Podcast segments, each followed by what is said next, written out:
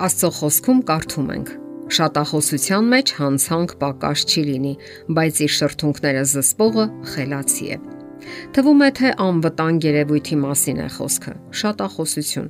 Ինչ է եղել որ մարդն ուղակի շատ է խոսում, բայց պարզվում է, որ դա բոլորովին էլ վերջը չէ։ Ամեն ինչ սկսվում է դրանից հետո։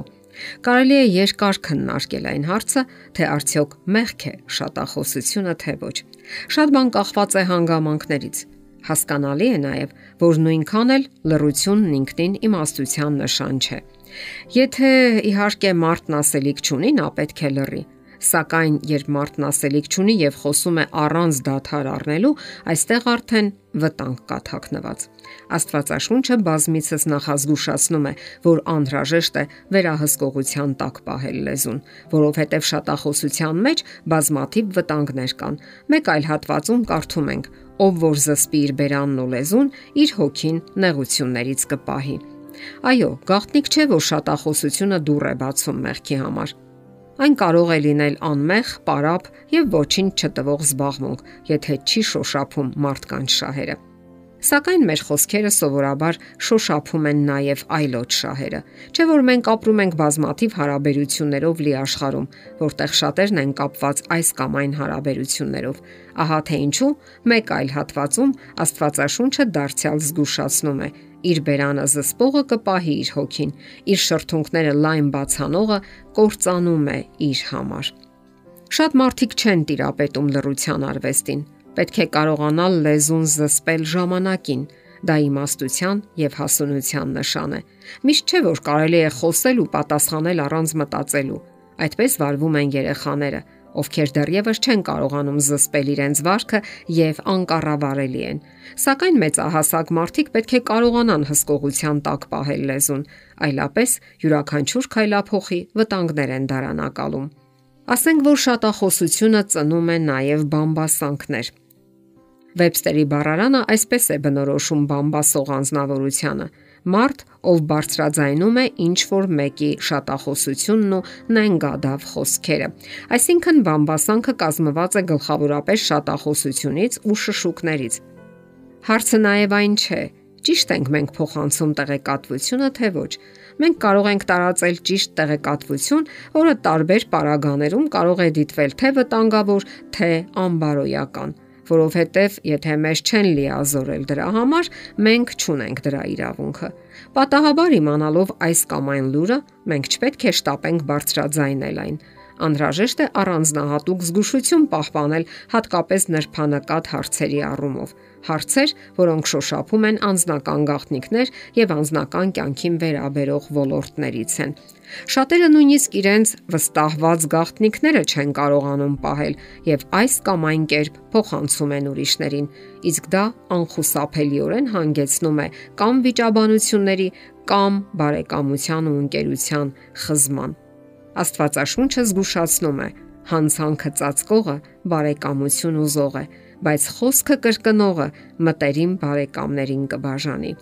Չպետք է մոռանալ նաև այն մարդկանց, ովքեր հատուկ ծրագրով եւ չարամտությամբ լուրեր են տարածում, չմոռանալով իհարկե գունազարթել եւ հավելել սեփական ենթադրություններն ու մեկնաբանությունները, որոնք ի վերջո մեծապես աղավաղում են եւ խեղաթյուրում են ճշմարտությունը,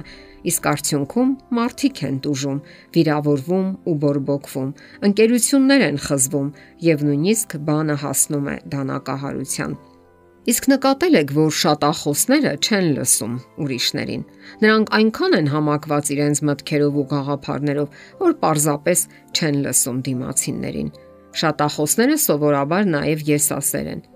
Չեն կարողանում եւ չեն ցանկանում լսել Խոսակիցը չի հասցնում որևէ բան ասել, իսկ նրանք արդեն խոսում են։ Դիմացինը հարց է տալիս, նրանք արդեն գիտեն պատասխանը, առանց մտածելու։ Ահա թե ինչ է ասում Աստվածաշունչը այդ մասին։ Ով որ բանը չլսած պատասխան տա, սա նրա համար հիմարություն է եւ ամոթ։ Հանդիպել եք նման անznավորության, որի պատասխանները լեզվի ծայրին են եւ չի մտածում խոսելուց առաջ Ահա թե ինչու շատ կարևոր է զարգացնել լսելու ու նաև լռելու արվեստը։ Նա ով ցանկանում է սովորել, նա նաև լսում է եւ սովորում։ Կարելի է սովորել բոլորից։ Զգույշ լինել խոսքերի մեջ, ավելի շատ ժամանակ հատկացնել սովորելուն։ Շատախոսության հիմքում հաճախ թաքնված է པարծենկոտությունը։ Մարդիկ ցանկանում են գովել իրենց, հաճախ էլ գովասանքներ կորզել։ Նրանք խոսում են իրենց գործերից, միայն ու միայն իրենցից, բայց չէ որ Աստծո խոսքը նախազգուշացնում է. թող քեզ ուրիշը գովի եւ ոչ թե քո բերանը, օտարը եւ ոչ թե քո շրթունքները։ Իսկ ինքնագովասանքի հիմքում սովորաբար հպարտությունն է։ Հպարտությունը սեփական անձի հանդեպ, սեփական իմաստության ու գործերի հանդեպ, սեփական անսխալականության հանդեպ։ Իսկ այս բոլորը վերջին հաշվով տանում է հոգևոր ամլության։ Եվ այսպես, կարգավորեք ձեր բնավորությունը։ Իմացեք, որ շատախոսությունից մինչև մեղք մազե կամուրջ է բաժանում, եւ դուք ամեն վարքյան կարող եք սայթակել ու ընկնել մեղքի անդունդը։ Զսպեք ձեր բերանը։ Խնդրեք Աստծուն, որ փոխի ձեր բնավորությունը, որ ավելի շատ լսեք։ Լսեք թե Աստծուն, թե մարդկանց։ Սովորեք Աստծուց, սովորեք նրա մեծ ճշմարտությունները եւ այն տարեք մարդկանց։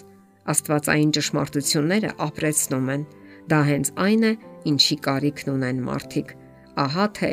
ինչը պետք է հնչի ձեր շուրթերից։ Եթերում ղողանջ հավերժության հաղորդաշարներ։ Ձեզ հետ է Գեղեցիկ Մարտիրոսյանը։ Հարցերի եւ առաջարկությունների համար զանգահարել 033 87 87 87 հեռախոսահամարով։